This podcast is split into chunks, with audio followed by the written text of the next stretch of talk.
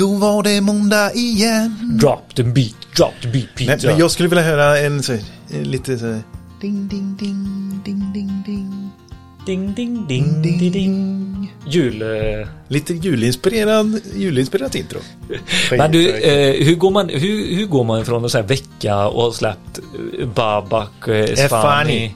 Mm. och alltså vilket avsnitt. Vi har fått väldigt mycket återkoppling där. Att det var ett mysigt samtal framförallt. Eh, ja, nej. Hej. vad, vad har du fått? Nej men var det inte att eh, många tyckte bara att det var jäkligt bra? Eller det är mysigt. Ja, att det var eh, härligt att sitta med i samtalet. Att det var ett väldigt Jaha. härligt samtal. Ja, okej. Ja, det är ju vårat signum. Ja, jo. Ja, då, lyck, det var ju, nu lyck, då lyckades vi. Det var inte ens kul att höra för att det är så självklart för dig. Ja, ja nej, men det, det var ju det mest eftersökta. Ja, ja. Skit i det nu. Skit i det nu. Varför jag frågade fotbolls-VM. för att leda in mig. Ja, det skiter vi också. Ja. Det är elektriker vi pratar med, Ja. inte... Inte fotbollsbusar. Eh, jo, hur matchar man den här veckan? Då tar vi in Sveriges största podcaster inom solceller och faktiskt ny teknik och, och eh, efter oss el då. Japp. Svinkul! Så Mm. vi, vi ringde ju Erik Wallner som driver Solcellskollen och bara Vill du vara med hos oss? Det hade varit jättekul. Vi gör ett teknikavsnitt av det där vi går igenom liksom lite trender och sånt. Han har ju pratat med så sjukt bra folk och han gör jättebra informativa eh, poddavsnitt. Ja. Eh, så det, det är verkligen ett tips. Vill man lära sig lite så- mer om ny energiteknik och vad som kommer och så. Mm. Om man är intresserad av det Ja. så ska man faktiskt gå in och, och lyssna på hans podd. Ja, och bara eh, tryck på följknappen där så att ni får upp vilka ämnen som kommer i flödet bara. Mm. Eh, Ni är ju elektriker så att det Mhm. kommer ju komma med frågor hos er. Batteriteknik till exempel. Ja men då jäklar har han Fan, han har nog dissekerat hela batteribranschen Mm. känns det som. Ja. Superkondensatorer. Hur funkar de i, ute i verkligheten? Eh, nu senast var det något om vätgasanläggningar och den biten. Eh, så ja, men superbra. Men, eh, och, och efter det så kommer vi faktiskt få lyssna också från E-car Expo där vi eh, tog in eh, Svensk Solenergi igen. Det var väldigt kul. Ett år senare, vad har hänt? Och där vet ju ni eh, alla där ute som jobbar med solceller att där håller man ju just nu och på och utbildar solcellsmontörer. Och det är ju en stor del och där gick jag på lite hårt eller? Anna, vd. Ja, nej men jag ifrågasatte lite så här varför och hur och eh, hur ska vi få in dem i våra kompetensmatriser har ni gjort det lättare för oss elektriker och så lite sådär. Så den är, den är väldigt bra tycker jag faktiskt. Om Mm. Är, det, är det bra att de utbildar sig till montörer? Ledande fråga. Jättebra att de utbildar sig om det räcker. Det tycker jag inte faktiskt. Nej. Men det är inte till mig att döma. Jag är inte branschen. De Nej. är en stor branschorganisation som eh, vi behöver prata med. Mm. Så är det verkligen. Ni stöter ju på dem ute på eh, när de ska montera. Ja, Det gör ni ju faktiskt. Och då kan det vara gött att veta att de har det är lite kvalitet bakom sig. Men vet du vad, jag tror det många av våra lyssnare eh, installerar alla solceller själv. Ja. Tror jag. Ja. De har nog inte ett just solcellsmontörsteam. Om Precis. ärlig. Men om man vill bygga ett solcellsmontörsteam så Ja. kan det vara skönt också att veta att de gör rätt saker. Mhm. Och då kanske man inte alltid har tid att utbilda dem själva. Mm. Eller ja, ni hör i avsnittet Ja, helt enkelt. Vi nej, kommer men att prata om detta. Det, hoppas att, jag vill verkligen att ni ska gå in och kommentera också. Skriv på våra teknikforum om det är så eller direkt under våran bild på Instagram så eh, så kan vi få igång en diskussion där hur man tänker. Jag tycker det är Ni är jättekul. alldeles för dåliga på att kommentera på våra avsnitt. Ja, lite Mycket, dåliga alltså. mycket i direktmeddelanden. Ja. Och Känner så, du till Trainor förresten? Trainor, Utbildningar, Trainor. Elektrikerutbildningar. aldrig hört. Aldrig hört. Det är ett norskt bolag som tillhandahåller med elutbildningar för den svenska elektrikermarknaden. Okej, fortbildning eller? Fortbildning, du kan eh, fortbilda dig, ja, det kan du göra. Men eh, någonting som jag skulle vilja ta upp med dig, Billy, Ja, det är auktorisationsutbildningen. Check. Den som vi, ja, den är du klar med. Ja, klar. ja det är ingen idé Nästa. att lägga på dig. Ja, ja men eh, det var inget mer, tack. Den kommer gå av stapeln även 2023 på lite Ah, olika ställen kul. runt om i landet. Den som vi lottade ut menar du, den kommer fortsätta här nu runt om i Sverige? Jajamän. Ja. Eh, och man ska då läsa till, eh, man ska läsa auktorisationsutbildningen för att få ett higher purpose inom yrket, tycker Mm. jag då. Jag märker ju hur motiverad du är. Lära sig mer och bli en säkrare och tryggare elektriker. Mm. Eh, den går Ja. av stapeln i Stockholm 14 februari, Sundsvall 14 februari, Göteborg 16 februari och Luleå 16 februari. Oj, då får man skynda sig in och söka den faktiskt. Japp. Bestämma sig här och nu. Vill jag bli tryggare, säkrare i min vardag, då ska jag nog fasen slå slag i sak. Pronto. Pronto, pronto. Utbildningen kostar 31 800 kronor. X-moms va? Japp, X-moms. X-moms. In och anmäl er, er på trainor.se. Mm. Men någonting som man inte behöver anmäla sig till Peter, det är ju eh, elvis. Det, du vet, nu när vi pratar solceller och sånt så kanske det är lite solcellsfolk som kommer in och då det, finns det ganska grundläggande saker man ska ha med sig såsom kunskap och så Mm, den här biten. Men sen så har vi ju hela den här eh, checkliste eh, Sverige som vi är då. Mm. Kan vara lite krångligt ibland men där har ju de färdiga mallar. Eh, Elvis. Så har du Elvis-program så kan du gå in och så använda dem eh, för eh, liksom med tillhörande mätprotokoll eh, som både lämpar sig för eh, ja, i samband med installation men även just en efterkontroll, alltså fortlöpande kontroll av solcellsanläggningen har de också. Svinbra, lätt att använda. Sen så har de ju hela den här eh, floran av SEKs handböcker du vet. Ja. Du har ju både Digitalt. Ja, Jätteskönt. Ja men exakt. Skuggningshandbok.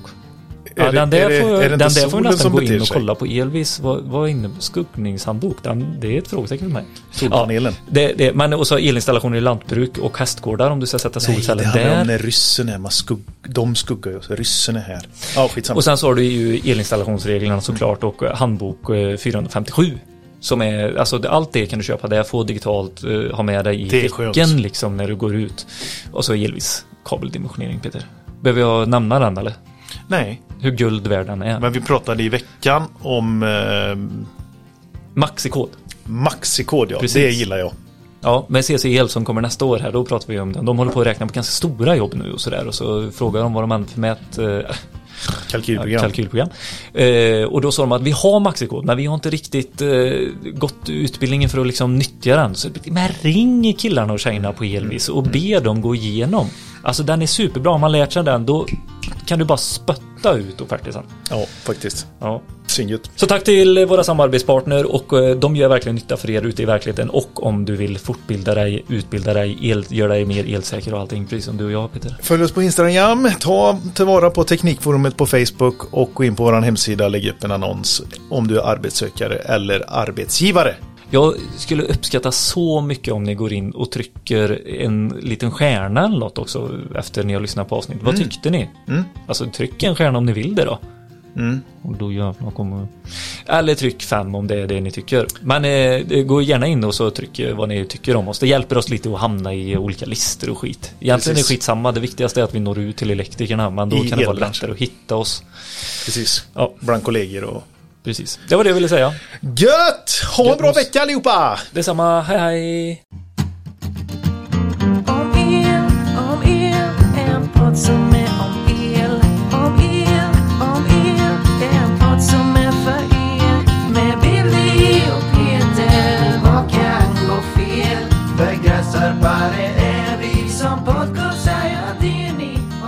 Vi har ju en gäst som inte är vilken gäst som helst. Alltså det här är eh, lite starstruck för mig och Peter. Det är en podd vi har lyssnat på länge. Både jag och Peter som vi har fått inspiration, motivation framförallt ifrån. Eh, vi har till och med snott några gäster. Ja, helt Det är inte snott, du har delat med dig. Ja, Schysst. det har du faktiskt gjort Erik. Vi har frågat dig. Men det är så här. Erik Wallner, VD och medgrundare på Solcellskollen. Genom ett ex-arbete på Chalmers så kom solcellskollsidén bara duff, rätt upp i huvudet och in i fingrarna när du tog med din eh, partner in crime. Också Erik, men Alberg. Superhärligt ju. Och med Solcellskollen så är det ju, ni vill ju få ut lättillgänglig information till de som ska eh, köpa solceller, men även för att räkna på sin solcellsanläggning och göra hela solcellsköpet tryggt, enkelt och ekonomiskt. Eller hur? Ja, ja, men det är... Och en bra sammanfattning. jag behöver inte ens vara här. Nej, precis. Så tack så jättemycket för att du kom. Nej men superhärligt att ha, ha dig här Erik. Du är faktiskt nämnd bland våra lyssnare också. Som ni borde ha med Erik från eh, Ja, Solcellskollen. det är så. Ja, Jajamän. stort.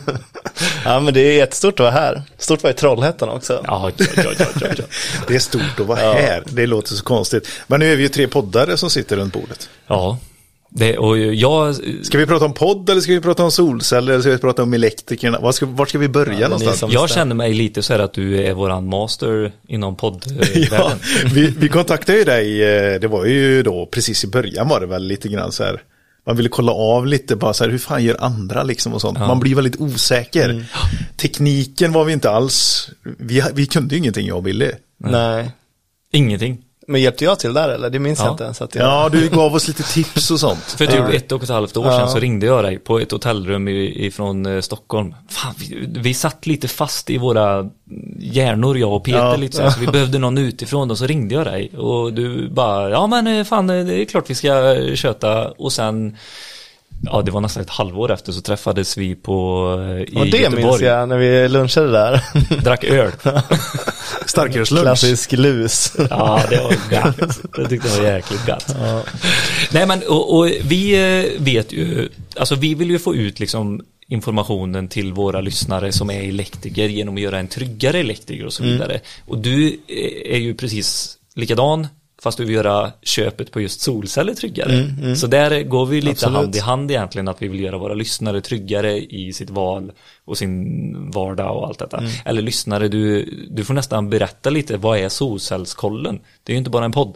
Nej, precis. Nej, men vi, det börjar ju som en eh, hemsida. Att vi, eh, som du var inne på där så skrev jag mitt exjobb på Chalmers och, om just solcellsmarknaden. Eh, och, eh, och vi började väl egentligen med en kalkylator. Vi tyckte liksom, det här är, man kan ju faktiskt räkna på tak så, eh, med hjälp av eh, liksom, vinklarna på taket, väderstrecket, eh, var, eh, vilken longitud och latitud och sådär. En Excel-snurra helt enkelt. Eller? Ja, liksom en, en vad ska man säga, lite mer avancerad Excel-snurra. Så. Ja. Eh, men, eh, och då kan man räkna på hur mycket solel man kan producera på ett år. Och sen, eh, vi tyckte det här var världens insikt då, men sen visade det sig att, ja men, det är, liksom, det är andra som har gjort det här också så. Vad jobbigt det där är när man, vi har världens bästa idé här. Ja, vi vi var gör ändå- ingenting annat nu, utan nu fokuserar vi på detta. Precis, men vi bara- höll ändå på med det väldigt länge och, liksom, eh, och det var ändå eh, anledningen att vi ville göra en hemsida. Så, så att på så sätt var det ju en väldigt bra ursäkt. eh.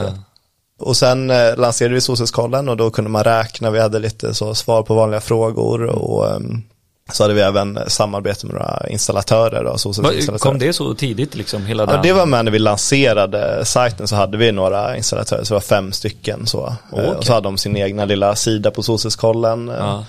Alltså egentligen allt som finns på Solcellskollen idag fin- fanns där när vi lanserade också, bara att det har ja, Utvecklats. fyllts på med massa omdömen och Ja. texter och sådär.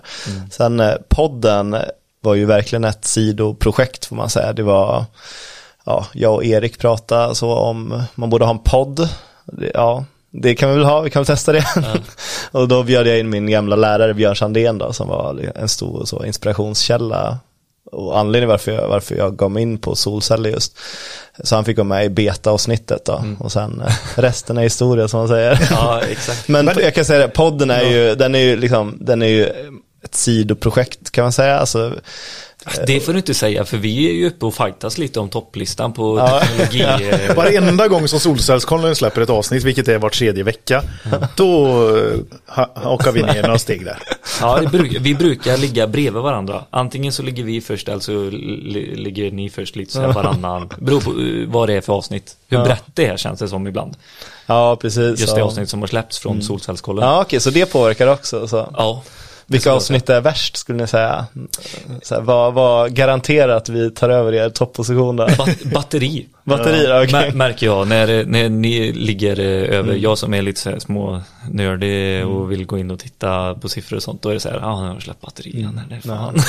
Ja, men det märker vi också. Batterier är ju våra mest lyssnade avsnitt. Så, så. Ja, det är det. Ja. Men för ni hade, eh, vi ringde ju och frågade dig lite om eh, eh, energisystem, någon som var väldigt duktig på energisystem, för vi hade haft med Jan Blomgren och det var ett väldigt populärt avsnitt och sådär, men de tyckte att det var lite vinklat från ett håll och det var det just för att eh, Jan var väldigt pro eh, kärnkraft. Mm. Och därför pratar ju han gott om det. Det är inte svårare än så. Mm. Och då så eh, skickar du på oss eh, Thomas Kåberger. Thomas Kåberger. Mm. Och det är väl ett av dina mest lyssnade avsnitt också eller? Ja, men det är nog absolut, ja men det, det är nog topp Ja, för mig, jag har top sett tre det skulle jag säga. Ja. Utan att ha det helt färskt i Ja. huvudet. ja, men jag tyckte jag såg det på eh, din Instagram. Att eh, populäraste förra året var Ja. typ Thomas Kåberger eller något sånt här. Precis. Ja. Och, det, och det var ju kopplade lite också till att eh, vi pratade om elpriser och det, Mm. ja, het fråga. Vi får ju sluta prata om oss själva här. det är insikter vi har fått i alla fall, så kan vi säga. Eh, men, Men samarbete. batterier, det, jag tar det som takeaway att vi ska göra mer avsnitt om batterier. Då. ja, ja, men det tror jag. Och där har jag lärt mig, eh, det var, jag kommer inte exakt ihåg vem det var, men som pratade om den här, eh, ett batteri som är schweizisk armékniv i eh, Ja, men det är, en, det är en bra liknelse. Jag tyckte det var Ja. jättebra. Det är någonting som jag verkligen tagit med mig när, när jag pratar med folk om eh, om man ska ha batteri när man har solceller Mm. eller kan man ha batteri när man inte har solceller. Alltså allting är möjligt just för att teknikerna är ju så olika beroende på vad du har för eh, liksom grund i systemet där du står. Det är ju väldigt mycket så för oss elektriker. Vi måste se hur, hur är förutsättningarna i just det systemet och sen kan vi applicera de olika sakerna liksom. Mm. Och i batteri går verkligen att applicera i de flesta system. Mm. För att alla Men kan vi inte, vi gör så då att vi går igenom eh, de olika så kan du bara ge en generell bild över vilka paneler är det just nu som är det häftigaste och vilka ska man hålla sig ifrån och Mm. batterier. Så du behöver inte nämna några varumärken om du inte kan men Mm. eh, Jag vill också veta skillnaden från 2017 när ni lanserade Precis. solcellskolven Mm. och hur det ser ut idag 2022 liksom. Om det är samma frågor, om det är samma märken, är det någon som har hållit sig kvar som du inte trodde på 2017 till exempel och så vidare. Ja, nej men om man börjar med paneler där så, alltså när eh, 2017, alltså man kan säga varje år så har verkningsgraden blivit mellan en halv till en procent eh, enhet eh, högre. Ja. Så 2017 kanske en vanlig panel låg på 17 procent i verkningsgrad. Mm. Idag så ligger det på 21 kanske Mm. där. Eh, Så, eh, och alltså man kan tro, ja, men det låter inte så mycket så, men, men grejen med verkningsgrad, när den ökar så, eh, så blir liksom allt annat billigare. Alltså när man får in mer effekt då blir liksom montagekostnaden lägre, eh, kabel, kabelkostnaden blir lägre, växelriktan eh, kostar mindre, eh, liksom allt blir lägre. Så, så att, eh, och det är ju lite så solcellsbranschens eh, eller solpaneltillverkarnas eh, så heliga graal att få upp, eh, få upp verkningsgraden så för det, det gör att solceller blir mer konkurrenskraftigt så. Med bang for the bucks. Sen, sen, Precis, mer bang for the bucks. sen har du ju, sen är det ju vissa liksom, vad ska man säga, tekniska skillnader så på panelerna men inga, inga så, inte så, inga väsensskilda förändringar av tekniken utan det är fortfarande liksom kiselpaneler, de är fortfarande ungefär lika stora, lite större nu men eh, men sen alltså så här, man pratar om så här, vilka fabrikat och så, alltså Ja. jag brukar väl säga att eh, fabrikaten inte spelar så extremt stor roll. Alltså det är väldigt, alltså det är mycket större skillnad eh, på två tv-apparater från olika fabrikat på Elgiganten än vad det är på två solpaneler. Så, så, och det Det som, är så, det är en generell bild du har fått liksom. eh, Ja, men det ja, det, de är extremt standardiserade och är det någon, något, någon solpaneltillverkare som liksom tar fram en ny teknik eller så, Ja. Så kopieras den snart. Ja men så dröjer det inte länge innan de andra också har liksom, så, och, och, så att de här liksom teknikspåren tenderar att eh, Men en sak är ju, så. en sak är ju själva um, hur, hur, alltså cellerna. Plattorna Ja, liksom. jag skulle och en sak är ju, är ju alltså ramen och hur fogar är och färgen och Precis, ja. Men allt sånt skulle jag säga är rätt så standardiserat. Så. Alltså Ja. det finns vissa, vissa skillnader, så, men det har ni säkert stött på att eh, ja, man kan ha liksom en baksida eh, av glas, man kan ha den av plast. Mm. eh, Så det är väl liksom en, en sån skillnad som kunder stöter på för att Mm. liksom, Ja, för Företag jobbar med olika- Samsung är Rolls Royce för att de har någon Gorilla glas eh, eller? Är det inte sånt man börjar kolla på eftersom Ja. tekniken är så likadan? precis, alltså, ja, nej, är, så, det, så är det en feluppfattning jag fått eller? Ja, alltså jag vet inte hur stor skillnad det är. Alltså det, det finns ju extremt få studier där man så att säga över tid har studerat Exakt. olika typer av paneler. Så att det liksom, man kan dra några slutsatser. Så jag brukar väl alla de här grejerna som, som man säger, ja, men den här grejen som våra paneler har, det skulle jag väl ta med liksom en nypa salt tills man kan Bevisa Tills man kan bevisa att, att, bevisa att det är någonting så. överhuvudtaget. Men, men sen med, med vissa grejer som det här med att ha baksidor i glas, det, det, där kan man ju liksom få dubbelt så långa produktgarantier och så, så att det har ju en, En, De är det gör en det skillnad. ja men det är en skillnad för garantitiden i alla fall uppenbarligen. Så, Men det så. grundläggande i verkningsgraden i alla för att få fram en bättre, en högre verkningsgrad så ligger alla paneler väldigt, väldigt, väldigt lika. Ja, de blir extremt lika och sen är ju det så att S- Sverige, alltså Norden, alltså vi är ju lite mer betalningsvilliga eh, än andra regioner i världen så att de paneler som kommer hit är ju oftast eh, lite mer, eh, liksom, de, det är från de stora populära märkena så, så att Ja, ja, precis. Marknaden för dem är mer intressant här än vad den är i östra Europa kanske. Ja, jag, vet- jag, jag vet inte Nej, vi exakt. ska inte- Nej, vi ska inte gå in. Nej, Men nej, någonting som du har erfarenhet av det är ju eh, när det gick ifrån de här blåa eh, polykristall och över till eh, eh, monokristall Ja, eh, plattorna. Ja. För det, det måste du ha märkt någon gång under tiden här från 2017. ja när men det var ju i början så, alltså jag skulle nog säga att precis när vi började kanske ett år efter att vi lanserade, vi lanserade sajten 2017, Ja. så, men typ 2018 tror jag, där liksom började det stora skiftet Ja. eh, till må- och då liksom dröjde det inte länge förrän det liksom inte ens gick att få tag på polykristallina, så det säger precis. någonting om hur dynamisk eh, den hela liksom Ja. industrin är. Så. Och, men, och det hade väl väldigt mycket med, för hade, var det någon större funktion än att det, det såg så mycket trevligare ut med svart panel på tak än det här blåa skiftandet. Nej, liksom. alltså det som var absolut viktigast var ju att Ja. det var verkningsgraden var högre så. Alltså Okej. även de polykristallina panelerna var ju ganska, de var ganska mörkblåa så det var inte Alltså de svarta tycker många är lite snyggare så, Ja. men, eh, men jag skulle absolut säga att det var verkningsgraden och att det blev mer kostnadseffektivt Ja. att eh, producera mer eh, watt för pengen så att säga. Mm. Ja men exakt. Som var det som gjorde att det slog så. Det är ju det man kollar efter idag, så Ja, är det ju bara. nej. Eller jämför mest med. Precis. Sen kan jag, bara- jag kan bara tillägga också det där med liksom hur paneler, eh, så här prestanda så, alltså det finns i Sverige, i svensk klimat så, har, så finns det kanske, ja det finns ett par studier där man har liksom studerat hur effekterna har utvecklats över tid.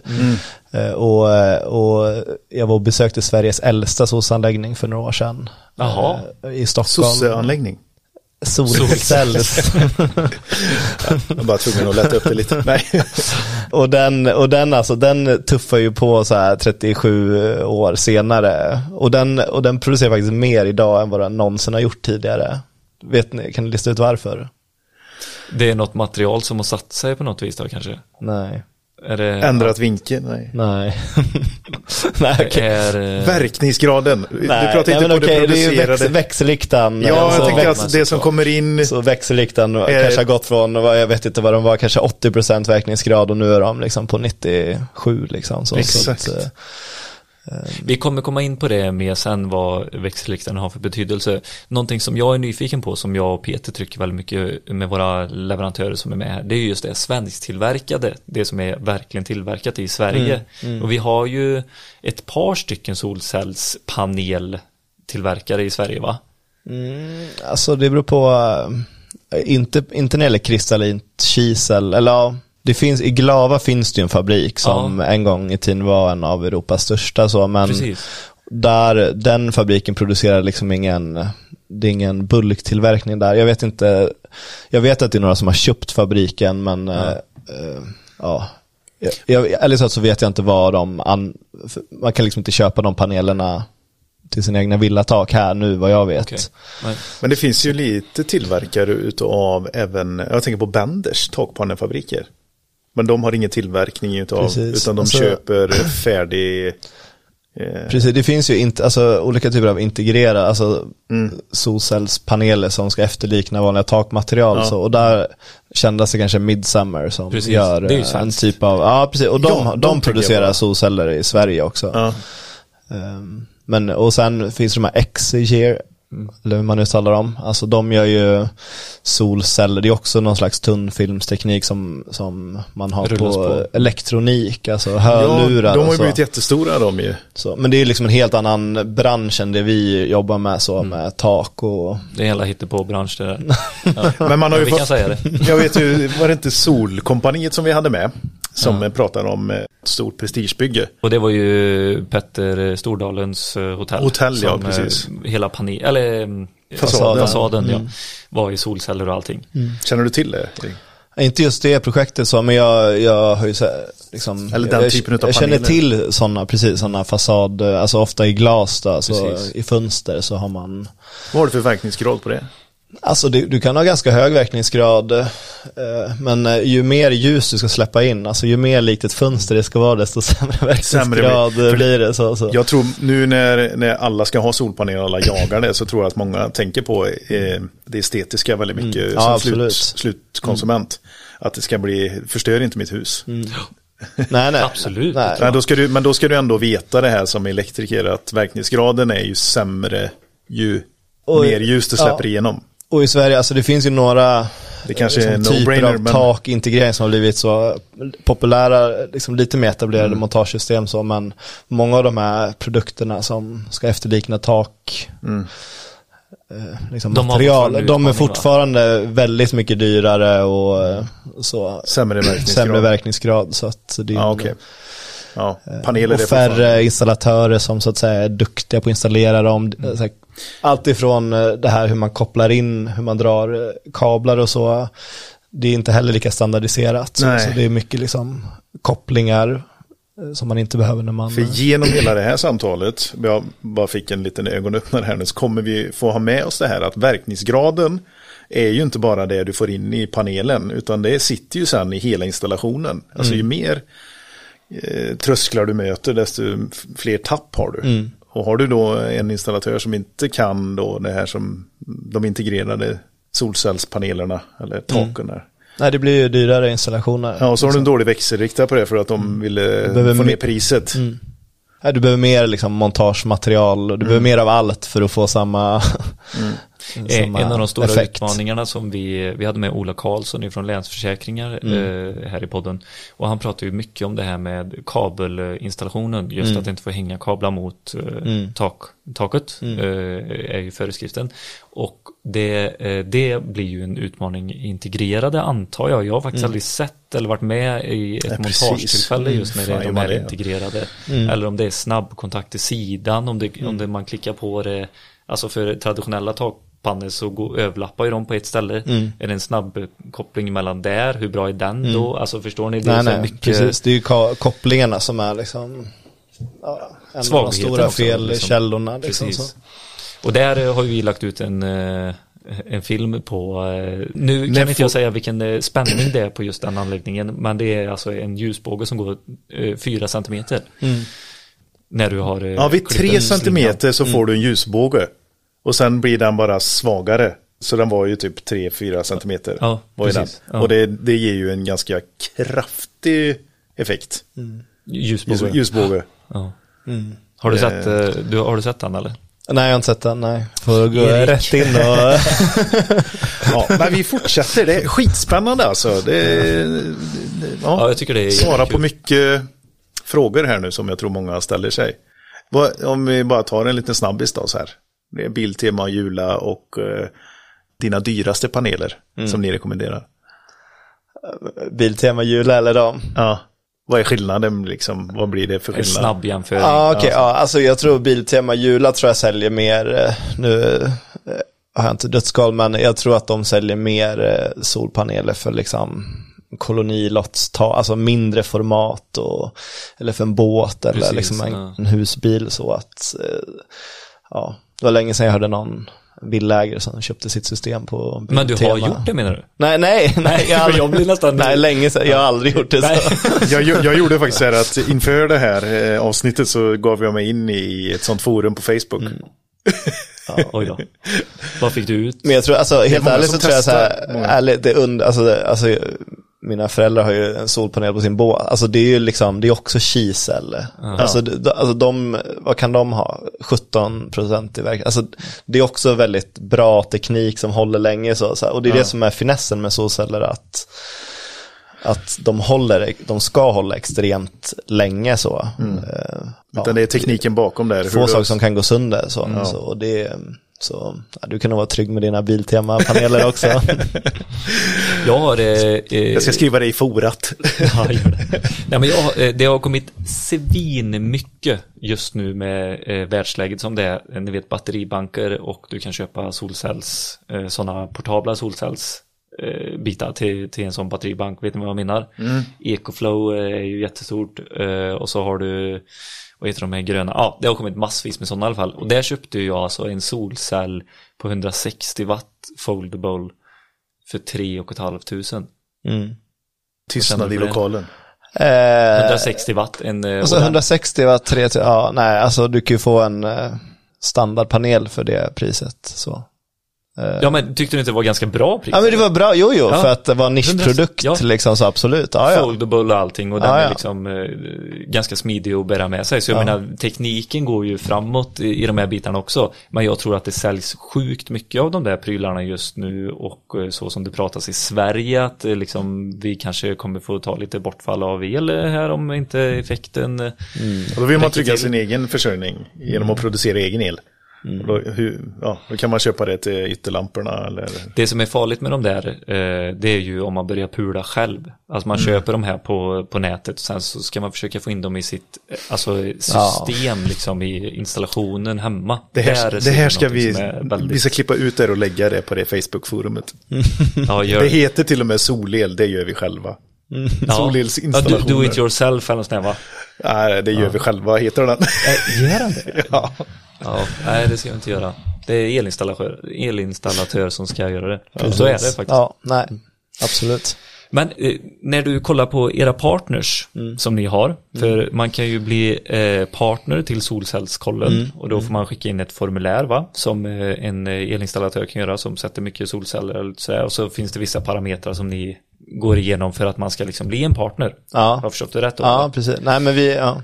Och, och, och hur mycket tittar ni just på den här biten? För någonting som vi särskiljer lite i alla fall vi eh, inom elektrikeryrket, det är ju just montaget och inkoppling. Vi ska ju vara med eller ha instruerat och skrivit in dem i vårt egen kontrollsprogram som sätter solcellerna och sånt. Men det, det finns ofta väldigt mycket bättre aktörer som ska jobba med tak och hålla det tätt och eh, infästningen bra än vi elektriker. Så är det faktiskt. Och hur kollar ni på det när ni eh, får de här ansökningarna? Så liksom? vi kan ju vi kan börja med att förklara lite hur det fungerar. Alltså vi har Ja, ju en, eh, ja men Solskala är liksom som en informations och jämförelsetjänst så för konsumenter, folk som skaffar solceller för sina tak och framförallt villaägare då. Mm. Och vi samarbetar med solcellsföretag som har sina så att säga sidor på solcellskollen, sina Mm. profilsidor och där samlar de liksom omdömen och kunder kan gå in och titta på jobb de har gjort tidigare och så. Mm. Eh, och de här företagen, eh, det är våra samarbetspartners och eh, vi har vissa kriterier så, vi, eh, de ska ha varit igång ett år, har gjort ett visst antal solcellsinstallationer så att de liksom är varma i kläderna. Ehm, De ska ha bra ekonomi. och sen, eh, och sen eh, pratar vi också med alla liksom, och hör vad köper de produkter ifrån, vad ja, bildar oss en uppfattning. Så. Ehm, Vi frågar liksom hur, eh, Processen går till typ? ja, men hur, hur funkar det med så, vilket Ja, företag som är registrerat hos Elsäkerhetsverket och Ja. så. Alltså, så här, vi gör en sån liksom, kvalitativ intervju också så, och Ja. verkar det vara en bra match så, så För det, det är ju ändå ert varumärke som folk kommer in till. De kommer in till Solcellskollen och sen vidare liksom så de kanske säger till och med att nej, vi har anlitat Solcellskollen. Ja, nej, nej men det, det är så fungerar Alltså en kund gör liksom en, alltså de går in och sen knappar in sitt postnummer och då får de upp en lista där de kan liksom sortera vilka företag finns närmast. Vilka har högst betyg kan de sortera så och sen är det liksom kunden som, som aktivt väljer av vilket företag eller vil, vilka företag vill de Okej, komma i då kontakt tycker de med. sig vidare alltså från er sida. Precis, Ja. så. Och sen är det företaget, solcellsinstallatören som så att säga håller i säljprocessen sen. Så. Sen är det många kunderna använder ofta oss som bollplank och ställer frågor och sådär. Så att, eh, Ja, för ja, och sen ju lämnar de också omdöme till slut då, för, om, om det blir en affär. på er hemsida. Precis. Mm. Så, och det är ju så, det är ju lite vår, eh, eh, vad ska man säga, det är lite vår, det, så att säga, värdet vi erbjuder, det är ju det här att för kunden är det enkelt, de kan snabbt liksom kolla, alltså att skaffa en solsanläggning är i mångt och mycket informationshämtning, man ska läsa på, vad funkar på mitt tak, men eh, samma sak när det gäller installatörer, vilka företag finns nära, vilka har bra betyg och så. Och är det någon som har liksom många nöjda kunder, de finns nära, så eh, då ökar ju chansen att det blir en affär. Så. Och det hjälper ju också solcellsföretagen att den matchningen, att man, ja, tid är pengar. Så här, eh, kommer en kund som redan har här, siktat in sig på det här företaget och finns nära och allt det där så Men min fråga var ju om det är ett kriterium ni kollar på och din, ditt svar var ja. Eh, Vilket kriterium var det? Eh, takinfästning. Alltså, Alltså, precis, alltså vi försöker ju bilda, alltså det är väldigt svårt att, att, att, att veta exakt Mm. hur ser det här företagets alla installationer ut. Så man skulle behöva liksom åka ut och titta så. Inspektera liksom. Ja. Ja, eh, så, och det är lite svårt. Så jag skulle säga just det är svårt att ta sig hela vägen, men sen försöker vi liksom bilda oss en uppfattning. Är det, ja, hur långt har man kommit? Hur eh, varm i kläderna är man och så. Eh, Och sen har vi alltså en vä- väldigt viktig del med de här omdömena. Det är ju att den informationen ska också visa sig så. eh, För andra användare och Precis, för att oss. den ska vara Så. tydlig. Mm. En del i kvalitetssäkring för att ha, Ja, liksom nej, rätt upp ledet nej, det är en, i, eh, precis så. Men har det varit företag som ni har märkt som har fått ganska låga betyg och sånt där som ni sen har valt att ta bort från just solcellskollen eller? Har det kommit dit eller? Alltså, det, vi har ju fått in omdömen som inte har varit eh, speciellt bra, så, så det kan man ju säga. Men eh, sen är det ju också, eh, vi, vi har inte tagit bort någon för att de systematiskt har fått dåliga omdömen, så, Nej. men sen är det inte någon som har fått många Nej. dåliga Nej. omdömen i rad, så att säga. Så att, ja. Sen är det ju också viktig information. Även de dåliga omdömena är så att säga Absolut. viktigt för, för transparensen på marknaden. Och det är ju eh, så här, ja. Ja, nej, men vi går vidare. Jag tror de flesta har nog en klar idé hur de skulle bygga upp sin verksamhet faktiskt. Och eh, man vet ju själv om man är duktig eller inte på infästning. Annars finns det grymma takläggare att ta hjälp av Jo, jo, i en sån process. Eh, men solceller, det är en grej. Ja men det, vi, det känns eh, helt okej nu. Vi har eh, Panelerna, Panelerna, liksom. vi vet att på marknaden så finns det bara bra grejer just nu. Exakt så. Det är, Nej men den generella Nej. bilden är att håll- förhåller du dig, det är som alltid, förhåller du dig till bra inköpskanaler Ja. så kommer du alltid få nej, bra precis. grejer. Nej, och det finns många duktiga grossister. eh, Ja, så, exakt. Och, de breddar ju sig nu också och det kommer några Precis. fler också. Sen är ju det, alltså så här, senaste året, så här, det, man har ju sett många nya märken som man aldrig har läst om tidigare. Så, och det är ju en, eh, Utmaning. eh, Ja men med hela det här växande leveransproblemen så, och det, då får man liksom bilda sig en uppfattning om, och det gäller ju kunderna och leverantörerna också så att, eh, att så. Sen tror jag att många av de här man inte hör talas om kan ju vara hur stora som helst i Kina till exempel. Så att det kan ju vara liksom världsföretag bara att de har inte haft några Vi, vi, sålt grejer hit tidigare. Precis, jag så. tänkte precis säga det, att för att i, i, i Sverige då så möter vi ju en, en liten del av alla de som tillverkar. Mm. Det sa du ju förut att här presenteras ju ja, ett par stycken utav dem. Men hur ser det ut liksom i Kina och i Asien där mycket av det här tillverkas?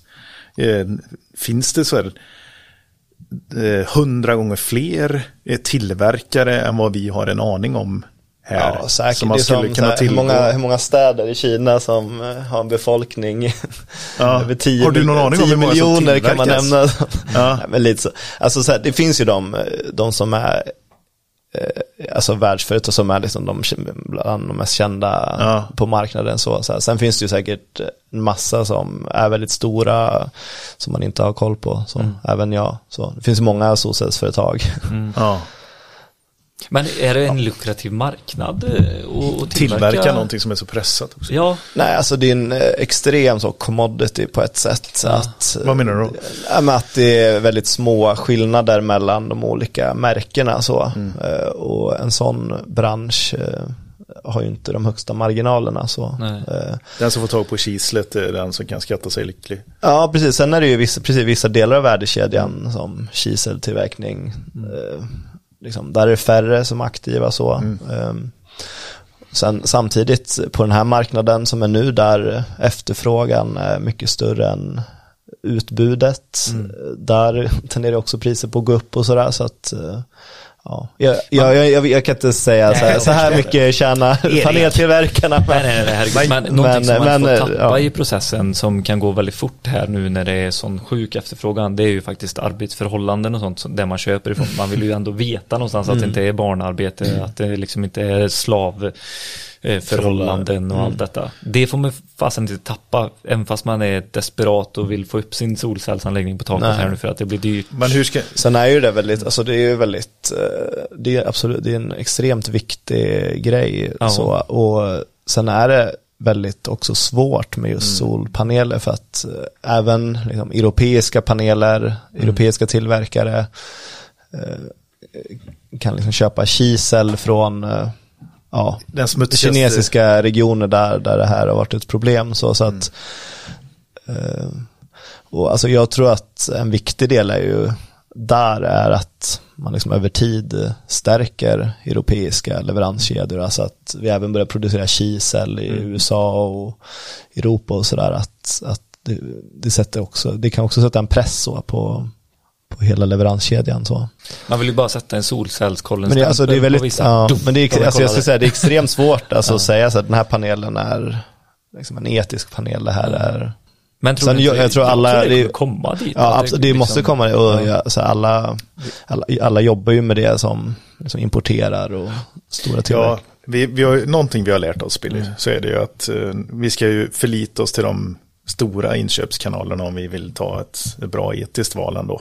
Ja, för de eh, tar ansvar. De, Precis, de har ju möjligheten att utvärdera också. Ja. De, de i sin tur använder sig bara av leverantörer som kan leverera till en viss standard. Och de är ISO-certifierade och så. Men. Ja. kan vi gå vidare eller? Vi går vidare. Ja, to the vi- heart, to the brain, Precis. to the gain. Växelriktaren. Mm. Det, det kan man välja fel. Det här det är ju ett jättestort ämne och bara, nu ska vi prata växelriktare. Ja, precis. Alltså, Inte för mig. ja, Det är bara- där kan man välja det är ett ord och så välj. Ja. Nej, alltså det är ju, där, alltså växelriktare skiljer sig ju mer i funktionalitet. Så. Mm. Eh, Sen finns det ju också många fabrikat där och alltså, jag skulle säga att det är ganska likt. Alltså, mycket av det som kommer hit är från stora välkända märken så. Och vilka är de stora välkända märkena? Ja men eh, nu, Ta det på sängen. Fronius, Sonax, Huawei, ja. Huawei, ja. SMA har varit med länge. Ja. Eh, ja, det var några Peter. Ja. Ferroam kan ju ni nämna. Jajamän, Ferron. Ja. Nej, Nej, men men, om vi kollar på, vad, vad är grunderna vi ska titta på när vi väljer en växelriktare? Om vi börjar där liksom. Alltså vi kan börja med vad man inte behöver titta, alltså typ verkningsgrad, där är det ju väldigt lika så, alltså det var ju en grej som kanske var större, eh, så, Mm. differentiator för tio år sedan liksom. Mm. men nu, nu är det väl mycket kopplat till mjukvaran så i växelriktaren så, och eh, populärast nu är väl, liksom, är den förberedd för batterier eller inte?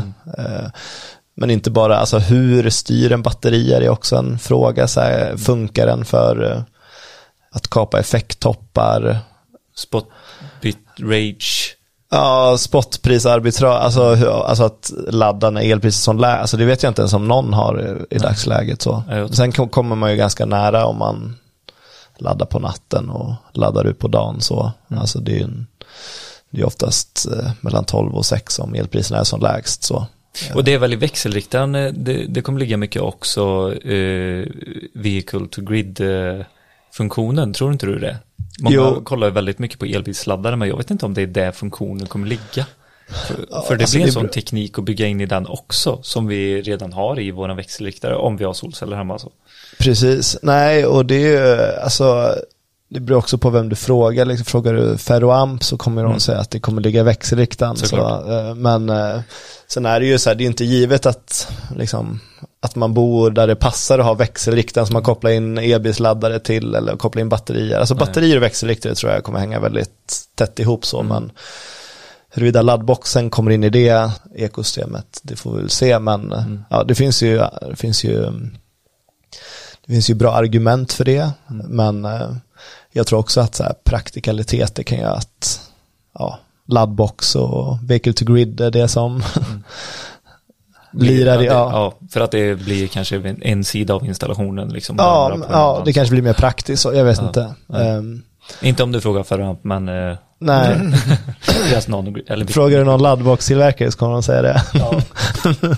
Hur ofta behöver du byta en växelriktare? För det, du pratade ju förut om hur verkningsgraden har blivit bättre på äldre i och med att Ja. växelriktarna har bytts ut och blivit bättre i verkningsgrad. Mm. Hur ofta liksom behöver man byta? Är det när de går sönder? Eller ska Ja, man men det är, de, ja, nej, men det är när de går sönder så ska jag säga. Och alltså nu, det är inte så mycket mer att ta, de är ju redan extremt effektiva så. så. Fast om fem år? Ja, nej men alltså det, det som kan att man vill byta är ju som sagt sådana här styrningar så att Ja, man, att den får mycket mer funktionalitet så att man kan styra fler grejer i hemmet och Ja. batterier inte minst så. Sen tror jag, så här, det kommer inte dröja länge förrän alla växelriktare är batteriförberedda så. Tror jag inte. Är de inte det nu menar du? Är det typ hälften, är det en femtedel eller hur många är? Som säljs nu? Ja, ja jag vet faktiskt förberedda. inte, men eh, nej, jag alltså trodde det, att det var standard, om jag ska vara helt ärlig. Att Ja. de flesta har det, men det, så är det inte. nej, alltså det är absolut inte alla som är det så. Nej. Men då, då finns det liksom differentiella ting, oj vilket konstigt ord, eh, det som man ska kolla på, om det finns förberett för att koppla in batteri och inte. Mm. Det är också en viktig grej när du jämför växelriktare och växelriktare. Ja, alltså så här, kost, det kanske kostar lite mer så det är en avvägning om man tror att man så. Men det är, så, så som saker utvecklar sig nu så, så känns det absolut rimligt att, att man är förberedd för det. Så. Mm, mm. Men det här som Peter var inne på med eh, livslängd på växelriktare, Mm. är det som vanlig elektronik 10 år? Ja, men eh, alltså oftast, alltså nu, det är lite samma sak här att så här, när vi pratar om hur länge saker håller så är det fortfarande ingen som vet i den här Nej. branschen för att liksom, vi har haft en Det- solcellsmarknad värd namnet i eh, så fem, fem år, alltså den har ju Ja, funnits ja. i 20 men liksom, det är, Det, det är det här som Det gör det så, så roligt att prata med dig Erik, för du kommer ju från den akademiska världen och eh, eh, då pratar man mycket om vad man, sen, vet vi detta? Ja, Forskning? Men här, i, oftast när man står och pratar mun till mun med en elektriker, Mhm. eller när vi pratar med varandra så, så pratar man om sånt som man har hört. ja. Eh, det blir någon sån här, ja det var en leverantör som sa det. Mm. Ja, men vad har du för fakta på att den leverantören är en person som har fakta på sina fötter? För det kommer mycket så här, alltså sanningar som inte är sanningar. mm, nej, alltså, Kring, mycket kring sånt där. Men generellt är det ju faktiskt så att vi vet inte. Mm. Nej, men man pratar alltid om att ja, räkna med ett växelriktat byte under Under en livstid. Ja, och sen den här livstiden, den är också, den är ju, alltså jag skulle säga växelriktare, den kommer väl gå sönder efter 15 år kanske eller något sånt. Eller ja, mellan 10 och 20 då, om man ska bredda spannet. Men eh, alltså solpanelerna, där snackar vi en komponent där man absolut inte vet hur länge de kan hålla. Så, alltså, för det är ju som jag var inne på, så den äldsta nätanslutna anläggningen i Sverige producerar fortfarande. Och hur gammal var den? Och den, liksom, vi besökte, alltså den hade liksom en krossad ruta på en av panelen, alltså så här. Jaha, ja. Och ja, Ja, den var väder och vindbiten. ja den var värd och den här kopplingslådan var helt, den hade ju liksom gått sönder av solen, alltså den hade inget UV-skydd liksom. liksom, så den var helt söndervittrad och sådär. Men, eh, Och hur gammal var den sa du? ja men nu är den, borde den vara 37 år tror jag. Ja. Och vet du när de bytte växelriktare och varför? Nej, jag, jag vågar inte säga, men jag tror, alltså någon gick sönder och sen tror jag någon bytte man för att det kom något, någon mycket bättre växelriktare. Så. Ja, Men, eh, ja. En sammanfattning av just eh, växelriktarbiten är att det kan vara den komponenten som man kan behöva byta ut eh, i form av att kraftelektroniken är olika och det är lödningar hit och dit och det är liksom mycket komponenter i just en växelriktare. Och det är svårt att säga hur länge den kommer hålla. Det är svårt att säga också vilka som är bra och dåliga just vad det gäller kraftelektronikprylarna och även sammansättningen. Så där, där får man göra ett gediget eh, eget jobb för att kolla upp just den växelriktaren du har valt. Ja, men ni kan, säkert, ni kan säkert hitta någon expert på, på Växelriktare. växelriktare så Ja, till då går vi till solcellskollen. Ja, Skicka då på- frågar vi Men där. alltså det är så här, man kan ju, man kan ju också så här, alltså man kan ju se så här, alltså växelriktare är ju den komponenten i solcellsanläggningen som definitivt är den som, eller den som bör så att säga ha mest underhåll jämfört med de andra komponenterna. Så. Och, alltså ett sätt är ju när man ska välja vilka produkter man vill ta in eller liksom köpa som konsument. Det är ju att liksom, vilka, vilka, vilka tillverkare har bra liksom, servicemöjligheter, vilka är etablerade i liksom, Skandinavien. Så. Ehm, Eller, Men det här eh, att ha så stora växelriktare som möjligt för att slippa fler felkällor på en anläggning och sånt. Är det, det, det är inget man pratar om i solcellsvärlden, att man liksom ska göra större, kraftigare växelriktare, för det är nästan bättre att ha fler slingor då, eller? Alltså pratar du det? kommersiella anläggningar Ja. så finns det ju definitivt den diskussionen. Liksom, Ja, det det, finns det, här ja. alltså där du kan ha högre spänningar och så. Ja. Eh, så och där det absolut kan vara en konkurrensfördel. Så. Sen är det inte riktigt det jag jobbar med, så där på villor så är det ju där är ju mer liksom vilka växelriktare, Mm. tak kan vara ganska komplexa så. så liksom, hur ser taket ut, hur många paneler får vi in på respektive slinga, alltså det är sådana grejer som påverkar. Exakt, hur kan vi liksom få funktionen rent praktiskt ute på plats och allt Ja, det här. Ja, precis. Men det, det- någonting som jag kom på nu, det här med växelriktare och sätta utomhus kontra inomhus. Mm. Hur, hur ser man eh, på det? Det måste ju också vara jättestor skillnad att ha väder och vindpåverkan på en eh, växelriktare fast de är gjorda för att sitta utomhus. Ja, precis. Nej, alltså där får du väl kanske lite samma svar som innan. Alltså det beror ju på um, produktblad och tillverkares installations, alltså man får ju följa det de vad, hur, hur ska den här växelriktaren installeras för att, Mm. för att garantier ska uppfyllas? Så. Men du, det är, det är ett svar som vi är jättevana vid, elektriker. Att vi måste följa tillverkarens anvisningar, Ja. för det är typ nummer ett. Mm. Det är verkligen så, så det, det är det. Men det säger ju sig Jag självt. kan inte mer än tillverkarna. Nej. Erik, vi, vi har bjudit in dig. Bjudit på bullar här. Ja, vi kräver svar. Nej, verkligen inte. Ska vi lämna växelriktare eller? Nej, men jag vill, eh, en grej innan vi lämnar det också, det är installation.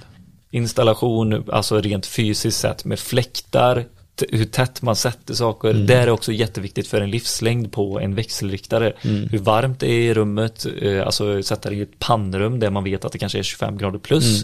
Det är också en påverkan på en växelriktares eh, liksom livslängd och eh, allting prestanda och allt det här. Så det är, det är många parametrar som påverkar just en växelriktare.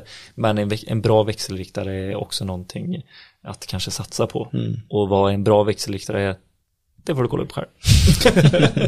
Nej men det är bra. Jag tycker vi går vidare. Växelriktaravsnittet eh, lägger vi bakom oss och så bara boom! En eh, framtidsdel som är här. Batterilagring. Och ha det i våra hemmamiljöer. Hur, hur känns eh, den marknaden, eh, Erik? Ja, men den är ju på framfart får man säga. Sen är det ju sen är det många som tror, alltså om man ser på intresset kring batterier och alltså våra artiklar om batterier så Ja. det är ju liksom extremt många som, som är intresserade och vill läsa om batterier så. Eh, Ja, men som jag sa så innan här. om, man Det- om, man ska, om man ska gå på det, då, då är det snarare så att nej men det är liksom inte så stort egentligen batterier. Så. Det är väl så här, en på 20 solcellsanläggningar i Sverige eller något sånt. Som, En på 20? Ja, okej. Som integrerar eh, batteri också. Ja, precis. Jag tror det var, ja, säg 15% av alla solcellsanläggningar ungefär har Skulle du vilja se hur förfrågningarna ser ut? Oj, har du en bulle i munnen nu? Buller i mun. Nej, men förfrågningarna måste ha ökat enormt på just batterier. Om man vill ha en hel, en hel anläggning. Ja, precis. Och framförallt i år med. Alltså nu är det ju, alltså, historiskt så har ju det funnits ganska, eller egentligen väldigt lite nytta så ekonomiskt för en villaägare och Fan, det skaffa batterier. när, när priserna skjuter i höjden som incitament. Precis, alltså, man, alltså det, det, för har liksom inte spelat någon roll. Alltså, la, alltså typ, om man tar Tyskland som är liksom Ja. en otroligt stor batteri och solcellsmarknad där nästan, ja men jag för mig att det var två tredjedelar eller något sånt där av alla anläggningar som solcellsanläggningar som installeras som också har batterier. Så, Oj, så, så där är det extremt stort i Sverige och det har ju drivits av att där kan man, där, där vill man inte sälja el för man får dåligt betalt Ah, för ja. överskottet. Ja. Men det kostar hur mycket som helst att köpa el då. Så Ja. då är det ganska, det är liksom flera kronors eh, mellanskillnad där. För så som vi har i priset nu i Sverige så har det ju varit ute i Europa i många år ju. Alltså de här eh, Ja, mellan nej, 2 ja. och 4 kronor eh, kilowatten. Nej, det ska jag inte säga. Alltså, alltså, du kan ju jämföra, alltså i Tyskland så betalar konsumenter mycket för el. Men det är ju alltså själva spotpriset, alltså elmarknadspriset. Det har ju inte varit så högt utan det är mycket avgifter och ja, sånt som tillkommer.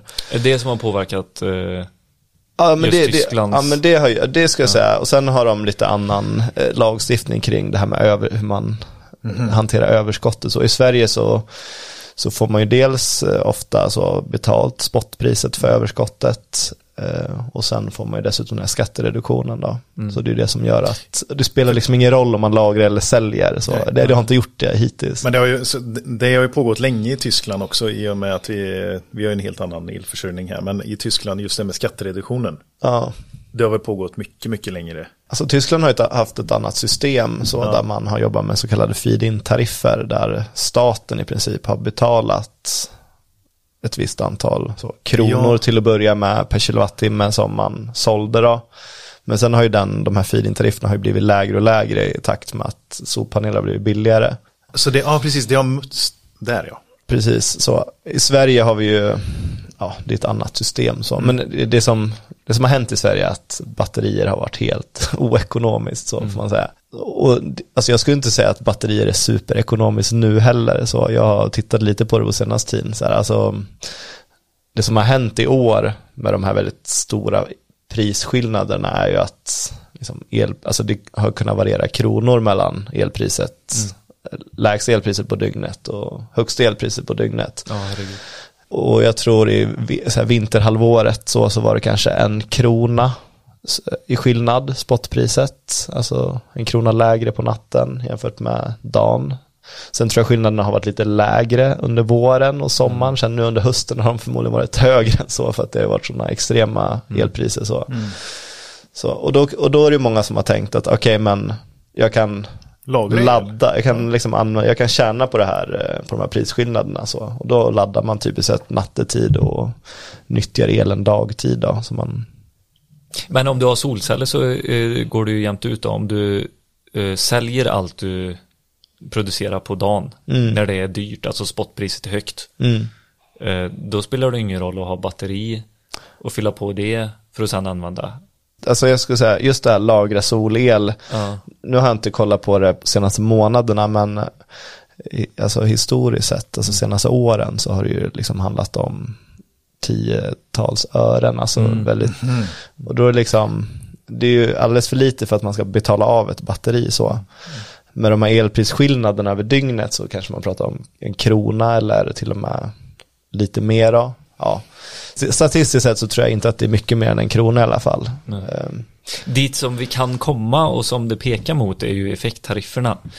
Och det är ju det som kan ändra och göra ett sjukt bra incitament att ha batterier för att kapa men, toppar. Ja, där är också en, eh, det där är också så, jag läste liksom Energimarknadsinspektionens förslag på de här effekttarifferna.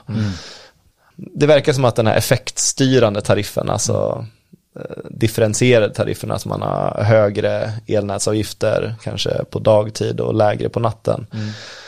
D- Den kommer kanske inte bli så hög. Så Nej, om man ska okej. gå in i, i detaljerna där. Ja. Okej. Men de pratar väldigt mycket om att man måste, ja, elnätföretagen får själva göra en analys av hur samhällsekonomisk deras tariff är och så. Så det är liksom insvept i, sån, i sådana ordalag men, men jag, jag tror ju tyvärr att det kommer bli att det blir högre fasta kostnader för elnätet. Så, alltså sånt som är svårt att göra något åt. Ja. Sen kommer de här förmodligen eh, baseras på säkringsstorlekar så att, eh, så att det kommer vara Och liksom- finns ju en vinning redan idag. Precis, och så här, att Alltså- det kommer mycket billigare med en 16 ampere än en 25 ampere. Liksom. Ja. Och den skillnaden kanske blir ännu större. Och det skulle i sin tur, det blir någon slags liksom, effekt, alltså, eller där kan ju batterier absolut vara en intressant lösning. Så. Mm. Men, eh, Men någonting som jag tänker på är också det här gröna bidraget som vi har nu. Ja, Vilket är sjukt bra. Så har man liksom en fundering eller man ser att det kan vara bra i sin anläggning nu så ska man ju absolut köra med batterier också. Om man har råd och eh, allt det här. Alltså, för det vet man ju inte hur länge det kommer att ligga nej, kvar. och det är så, ja, det, det skulle jag också säga, det kanske är bästa anledningen att skaffa Ja. batterier idag, att Ja. man får ett väldigt generöst bidrag, så det kanske inte, Ja men det är icke att förringa. Vi får läsa igenom nu med den nya regeringen och, och så hur länge det är kvar och om det blir lika stor del. Nu, jag har glömt av vad det är nu. Är det 30% upp till för batterier så är det man- 50% av eh, så att säga arbet, arbets och materialkostnader, men enligt Ja. en schablon så är det 48,5% Ja, okej. av totala fakturan då. Ja. För batterier och så är det 14,55% för sosseanläggningar. Ja okej, ja, det, ja men det är okej, det eh, särar man på där. Ja, precis. Ja. Mm. Sen är det vissa grejer där det är lite så och där Skatteverket inte är jättetydliga så, men eh, Mm. liksom en växelriktare som både behövs för batterier och solceller. Ja. så. Ja, just det. Vart, Det vet ju Ferroamp har varit inne mycket på och kollat. Var, hur de, vart de ska lägga sin växelriktare eftersom det är inte Och en elektrikerkostnad, liksom, arbetskostnad så, så det är, Ja. men är ehm, du har ju gjort kalkylen då. mm, Och batterier. Det kan bli, eh, ja det är fortfarande bra. Men det är svårt att få in i kalkylen att det ska vara återbetalningsbart precis, inom en alltså, viss. ja, nej, men jag ska, man ska nog inte ha några förväntningar att batteriet kommer bli en super, liksom, ekonomisk affär så, det skulle jag inte säga. Nej. Så, så skaffar man batterier så ska man tycka att det är kul och liksom tänka på framtiden att Mm. förutsättningarna kan öka. Alltså det som skulle öka förutsättningarna är ju det är att ta bort den här skattereduktionen som man får när man säljer solel. Men Mm. den är å andra sidan väldigt bra för alla som har solceller. Så, eh, Men vet ni hur jag tänker då? Jag kollar ju på lägenhet i, i Göteborg nu och så, så eh, en lägenhet som var jättefin och eh, sådär. Den hade en eh, eh, värmepump, en luft-luft. Mm. Eh, och där såg jag ett incitament att sätta in batteri för att ladda upp den på natten när priset är som billigast och sen använda över dygnets timmar som den behöver putta in. Alltså utan solceller, utan eh, någonting för att kunna flytta liksom den kostnaden till det billiga elpriset på kvällen. Precis, men det förutsätter ju att det är eh, det förutsätter ju att prisskillnaderna är ganska höga så. Ja. Och, så här, och de kommer nog vara, Investeringen som du gör på batteriet. Har, hade du med det i kalkylen? Eller? Jag har inte kalkylerat det eh, på kronor och ören. Men just nu som imorgon är fem, skiljer det sig fyra kronor. Mm. Precis, men det är ju så här, alltså den, det som händer nu på elmarknaden är ju en situation där, Men alltså den har aldrig hänt tidigare, Nej. det som händer nu så, och Och man gör massa saker för att den ska stabiliseras. Och det kommer ju ske. Att Ja, den precis. stabiliseras. Nej, men precis. Det är så så här- det kommer inte vara så nej. fluktuerande över tid. vad är över tid? alltså inte, jag, jag tror Jag inte, tror, jag tror, innan årsskiftet eh, låter det som att med EU, inom EU att man ska sätta standarder för hur EU-priset för, på EU-marknaden ska... Om man sätter vissa takpriser på produktioner och sånt där. Som, Ja, jag vet, alltså det är jättesvårt att säga så, så, här, så länge det är så här, krig i Europa, alltså det, ja. sådana grejer skulle kunna påverka att politiker liksom mixtrar med elmarknaden och, och tar bort den här effekten som till exempel naturgas har på elpriset och sådär. Ja. Men eh, ja, oavsett, så, alltså det är, alltså jag, jag tror ju inte heller att den här situationen kommer fort, alltså om några år bort så kommer det vara en helt annan situation så, och det, jag, alltså jag tror, år bort. Ja, jag tror eh, tre år. Tre, men eh, trenden, minst, eh, trenden är ju att elpriset kommer öka i takt med att förnybar energi Ja. får en större andel så, men, men då kommer de liksom variera mellan väldigt låga och liksom lite högre än vad de Mm. varit tidigare. Så Tidigare år har elpriset, där har, man, ju- där har ju skillnaderna handlat om tiotals ören så Mm. över dygnet, Precis. inte kronor. Så, så att det är ju, ja, Men jag tror, Jag tror absolut man ska- man ska- ha kronor de närmsta tre åren. Det tror jag. Mm. Att det kommer vara eh, skillnad på kronor och inte ören. Mm, ja, jag vet inte, det är svårt att säga. Det här batteriet som... Säga, Men det är därför jag säger jag tror. ja, precis. Men eh, det är lite intressant att ta ditt case där, för det är ju ändå minimum liksom. Du ser att det kommer vara en hög kostnad på din eh, pump. Eh, och så vill du då hitta en lösning på det och det är att skaffa ett batteri liksom. Det är ju ändå minimum, du bor i en lägenhet. Du kan inte sätta solceller så här. Det är en liten minimumlösning. Vad kostar det batteriet som du hade tänkt?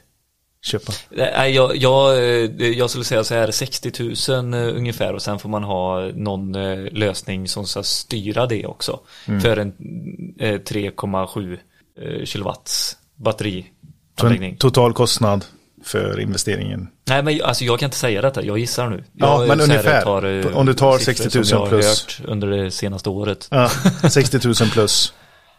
Installationskostnaden är gratis. Ja. Elektriker här.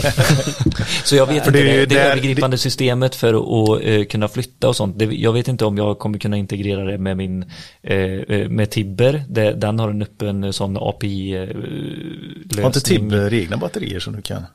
Nej. Nej, det har de inte. Nej.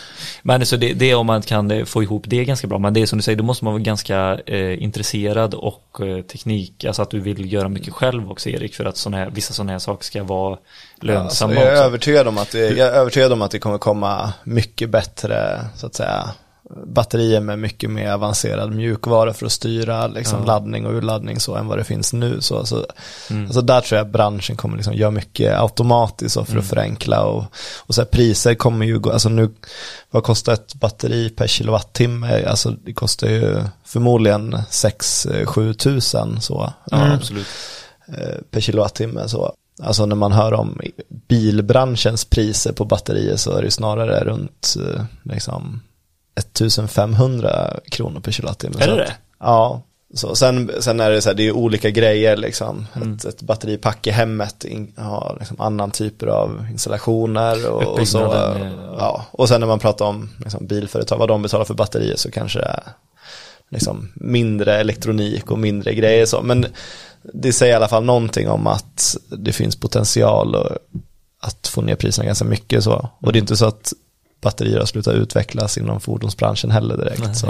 Men, ehm, Ja, men jag ska köpa en gammal Tesla då, låter det som. ja, Krocka, ja, men krocka en, eh, köp en krockad eh, Tesla och så elbil så. Ja, men gör det. Och ställ den ute på Nej, jag tar in den i vardagsrummet. Kapar den Då är det bara. ju soff, jag använder bak eh, Ja, just det. sätet som soffa. Rockabilly-stuket.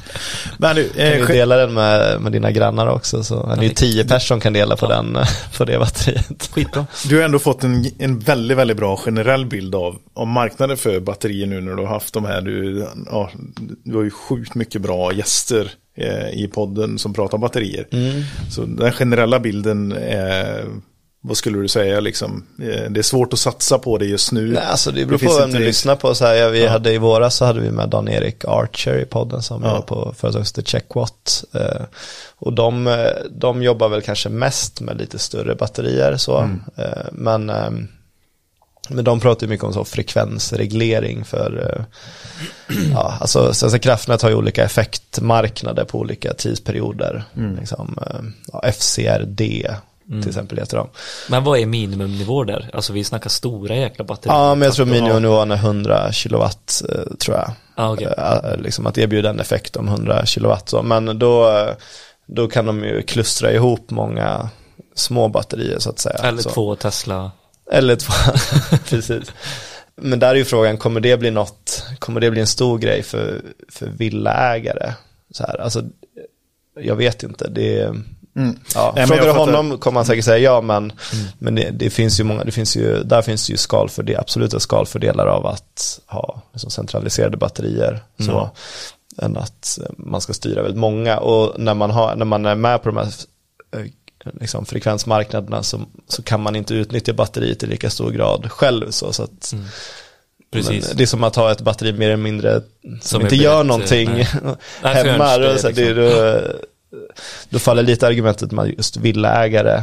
Exakt, men du har ju haft med eh, energisystems eh, professorer som pratat om de här superkondensatorerna kontra batterilösningar och sånt. Hur eh, kommer du ihåg, hur har du jämfört de två någon gång när det blir Alltså, den kommersiella delen? Ja, alltså skillnaden mellan de två menar du? Superkondensatorer och batterier. Alltså superkondensatorer, där är ju mycket effekt. Ja, liksom, eh, och lite energi så. Så att väldigt snabbt. Och, och sådana använder man ju kanske i, kan man använda i sådana här, eh, ja, man pratar om så statcoms, alltså sådana som finns på elnätet för att bidra med liksom spänningsstabilitet och sådär. De skulle även kunna ha superkondensatorer för att liksom extremt snabbt eh, reagera på effektbortfall Ja, till exempel. ja. Så, eh, men eh, så, jag, Men batterier kan väl också göra det? ja batteri precis, men då är det ju lite mer energi och lite mindre effekt i regel då. Så Okej. att- Det är det som är de st- största skillnaderna. Ja, så det det, kommer... så, sen är det lite samma, det här är inte heller mitt, jag, är, jag har liksom inte så djup kunskap Nej, i, nej, i batterier superkondensatorer och så, men det är väl den bilden jag har i alla fall. Ja, och det är det som är kul att, att veta lite uppfattning också. För det är som du säger, vill man veta mer alltså specifika Mm. saker, då ska man ju verkligen gå in på Solcellskollens podcast Ja. och så leta upp det, för då sitter du verkligen med de som kan det Mm. och som svarar eh, ganska svårt ibland. Det är inte Mm. Ja. alltid man hänger med på Man får allt lyssna som några svarar. gånger. Ja, precis, man får lyssna några gånger och så bara, ah, okej, ja, men nu tror jag jag förstår vad man menar. Men det där är faktiskt grymt bra att få sån Ja, kul eh, prof, professorinformation. Ja. Vi har ett avsnitt där, Patrik Johansson där som dök ner i batterier så Ja. här på Skitbra. Rätt Olika djupt. uppbyggnader och allting Ja. och vad det innebär. olika typer av batterikemier också. Det är också något Ja. som, där skiljer det sig lite så vad, vad så att säga hemmabatterimarknaden Mm. fokuserar på nästan helt och hållet och vad bilindustrin fokuserar på. Så. Där köpte jag Och det kommer säkert vara ännu större skillnader i framtiden eftersom det är ganska olika prestanda som krävs. Så. Ja. Ja men herregud, och framtagning, alltså uppbyggnad eh, och hela den processen, det Mm. kommer också skilja sig. Vad som vinner av de uppbyggnadsprocesserna Mm. också kommer göra det billigare eller dyrare åt ena hållet. Så är det ju, Mm. det är ju liksom en kedja av allting. Men vi, eh, vi börjar komma mo- mot uh, vårat slut här nu. Men vi ska ju självklart försöka runda upp lite med framtidsspaningar och det smarta systemet här. Det är ju någonting som du är väldigt eh, grym på i podden och kolla. Det är mycket framtidsspaningar också, det brukar du alltid avsluta med i dina kanske. avsnitt. Så nu får du en sån kaka till det här. Framtidsspaning, vad, vad tror vi? Ska vi hålla oss inom ämnet? Solceller, batteri, växelriktare? Hur ser det ut i framtiden här? Nej, alltså jag, anledningen att jag blev intresserad av solceller, så, alltså det som gjorde att jag liksom inte kunde tänka mig att jobba med något annat så när jag var student där, gick eh, fjärde året så, på Chalmers. Men det var ju det här, alltså när man fick se de här graferna över hur, liksom, hur lite solceller som behövs egentligen för att Två timmar av världens sol Instrål- ja, men- ja, precis. Ja.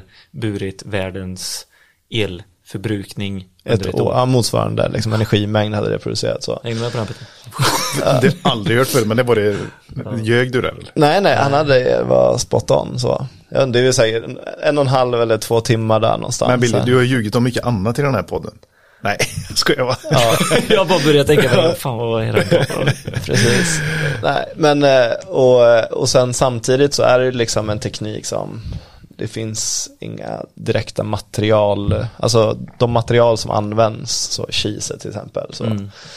finns det extremt gott om så. Sen det finns vissa sådana, silver används lite av och där är det lite mer, ja, om man skulle ha exakt samma teknik som idag så skulle man liksom successivt skulle det bli mer och mer silverbrist men, men där finns också material man kan ersätta silver med så.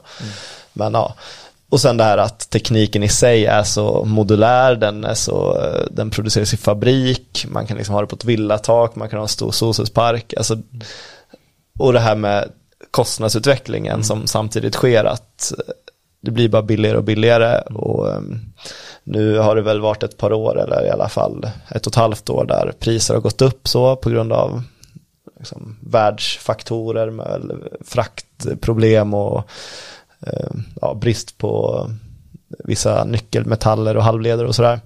Men jag, måste man säga, jag tror ju, nu låter jag som värsta fanboyen här, men jag tror ju, alltså Man får vara fan. Ja, men man, Inget- nej precis, men man, man pratar ju om, ja men solceller liksom kommer slå in i en vägg snart, alltså elsystemet i Sverige kan inte ta in så mycket solel, det kommer bli för mycket produktion vissa tillfällen och för lite andra och sådär. Men jag, alltså jag tror ju att så här, eh, ju billigare det blir desto fler kommer sätta upp solceller. Så, alltså, eh, och det kommer bli utmaningar så för elsystemet som man behöver lösa men alltså allt handlar om tidsperspektiv liksom. Nu har vi ett system som har vissa behov men om 50 år så kommer vi ha andra verktyg och då tror jag liksom, de tekniker som producerar el liksom, utan utsläpp och till väldigt låg kostnad kommer liksom, oavsett vad som händer politiskt och sådär så tror jag att de kommer liksom successivt eh, Ta över ta över så. Sen behöver inte gå in exakt på hur många procent av Sveriges elsystem, men jag tror det kommer bli mycket mer än vad de flesta tror om man säger så. Och, Mycket mer än vad det är nu.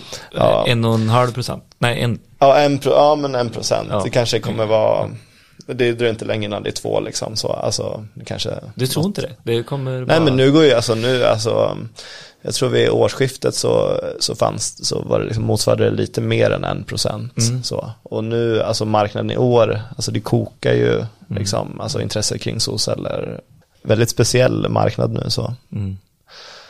Ja, den är fortfarande väldigt oupptäckt. Det är- många fastigheter där ute som inte har solceller. Och det, det, nu pratar vi mycket om hemmamarknaden och det är väl Mm. det som ligger i fokus mycket. Men det är ju så mycket fastigheter, hyresfastigheter, kontorsfastigheter, lantbruk. Ja, ja, Och den kommersiella marken- sidan som nu, är liksom- nu börjar ju de här stora parkerna komma i Sverige, Ja. så nu är det ju, Industrier, sånt som alla tittar på energieffektiviseringar för att inte få en stor smocka i det dröjer inte länge förrän vi börjar täcka sjöarna och så med flytande Ja, jag sitter. Det, är- det är ju häftigt alltså.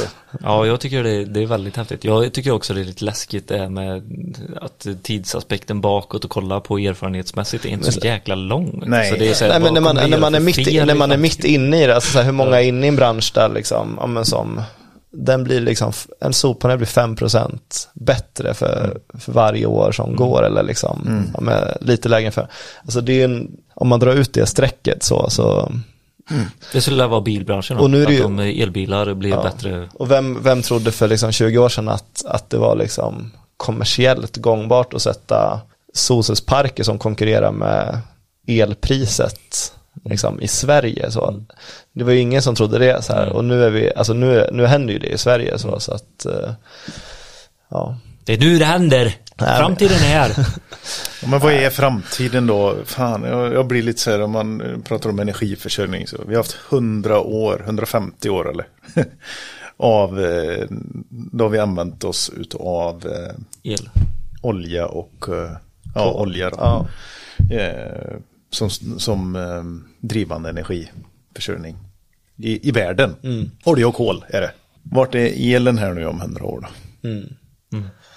Nej men det är så här, ska vi klara, ska vi klara så klimatmålen så är ju elektrifieringen helt eh, avgörande så. Det är det är så här, det är ju, ja, Jag vill bara inte att vi ska sitta här om 50 år och säga fasen att vi tog upp ännu, vi gick från en resurs som vi tog upp i marken till en annan resurs vi tog upp i marken och sen så har vi tagit upp två resurser i marken som har gjort det jättedåligt här nu. Kobolten, eh, Det är dit jag vill komma ja. bara. Det är det som är lite läskigt. Ja, nej, nej, nej så- alltså Kan det du är ju någonting om- absolut en, det är en, det är en absolut, alltså eh, stora utmaningen nu, det är ju så här att, ja men, dels tidsaspekten, alltså även om det finns mycket av de här materialen så ska vi ju under liksom en ganska kort period också faktiskt utvinna och öppna gruvor och så. Och det är ju sådana frågor som, eh, Som, ja, som är svåra på. för samhället. Så. Ja, Alltså, ja. det är många intressen och det är så. så det är, ju- men det behövs fler som funderar kring de frågorna. Och, Mm. Då får man eh, styra fokus mot, mot det här området. Vart producerar man mest kobolt? Afrika.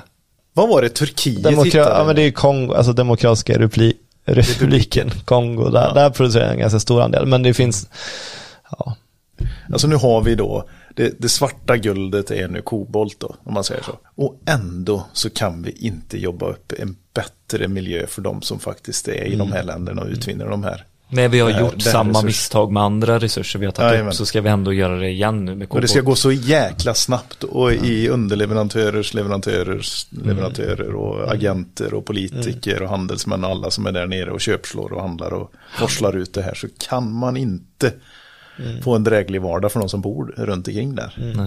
Det, Ja, det, det, tycker jag är du, ja, det får du ta tag i Peter. Vi kommer ju inte få något svar på det här i den här podden. Men jag kan tycka att det är lite hemskt ändå. Bara rent allmänt faktiskt. Ja, jag håller med dig. Mm. Ja, grabbar, när grus här. Erik, så sjukt kul att du ville komma och gästa våran podd. mm, ja, vi men det väntar, var, eh, Var det roligt eller? ja men det var superkul det här. Ja. Ja. Stort tack för inbjudan. ja. Ja. Eh, Nej men vill du, ha, vill du rekommendera någon in i podden?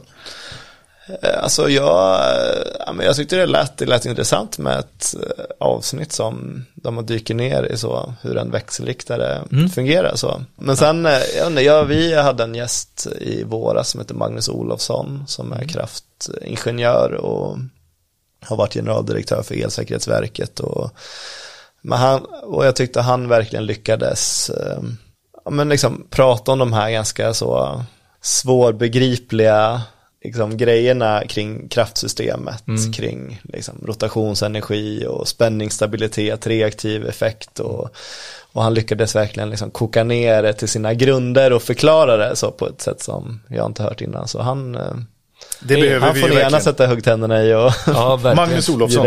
Ja, Magnus Olofsson. då hugger vi dig. Spännande. Skitkul! Jag tycker, nej, jag har redan sagt att ni ska in och lyssna på, ja. jag kan inte köta om det mer. Erik Wallner, tack så jättemycket. Tack, tack. tack.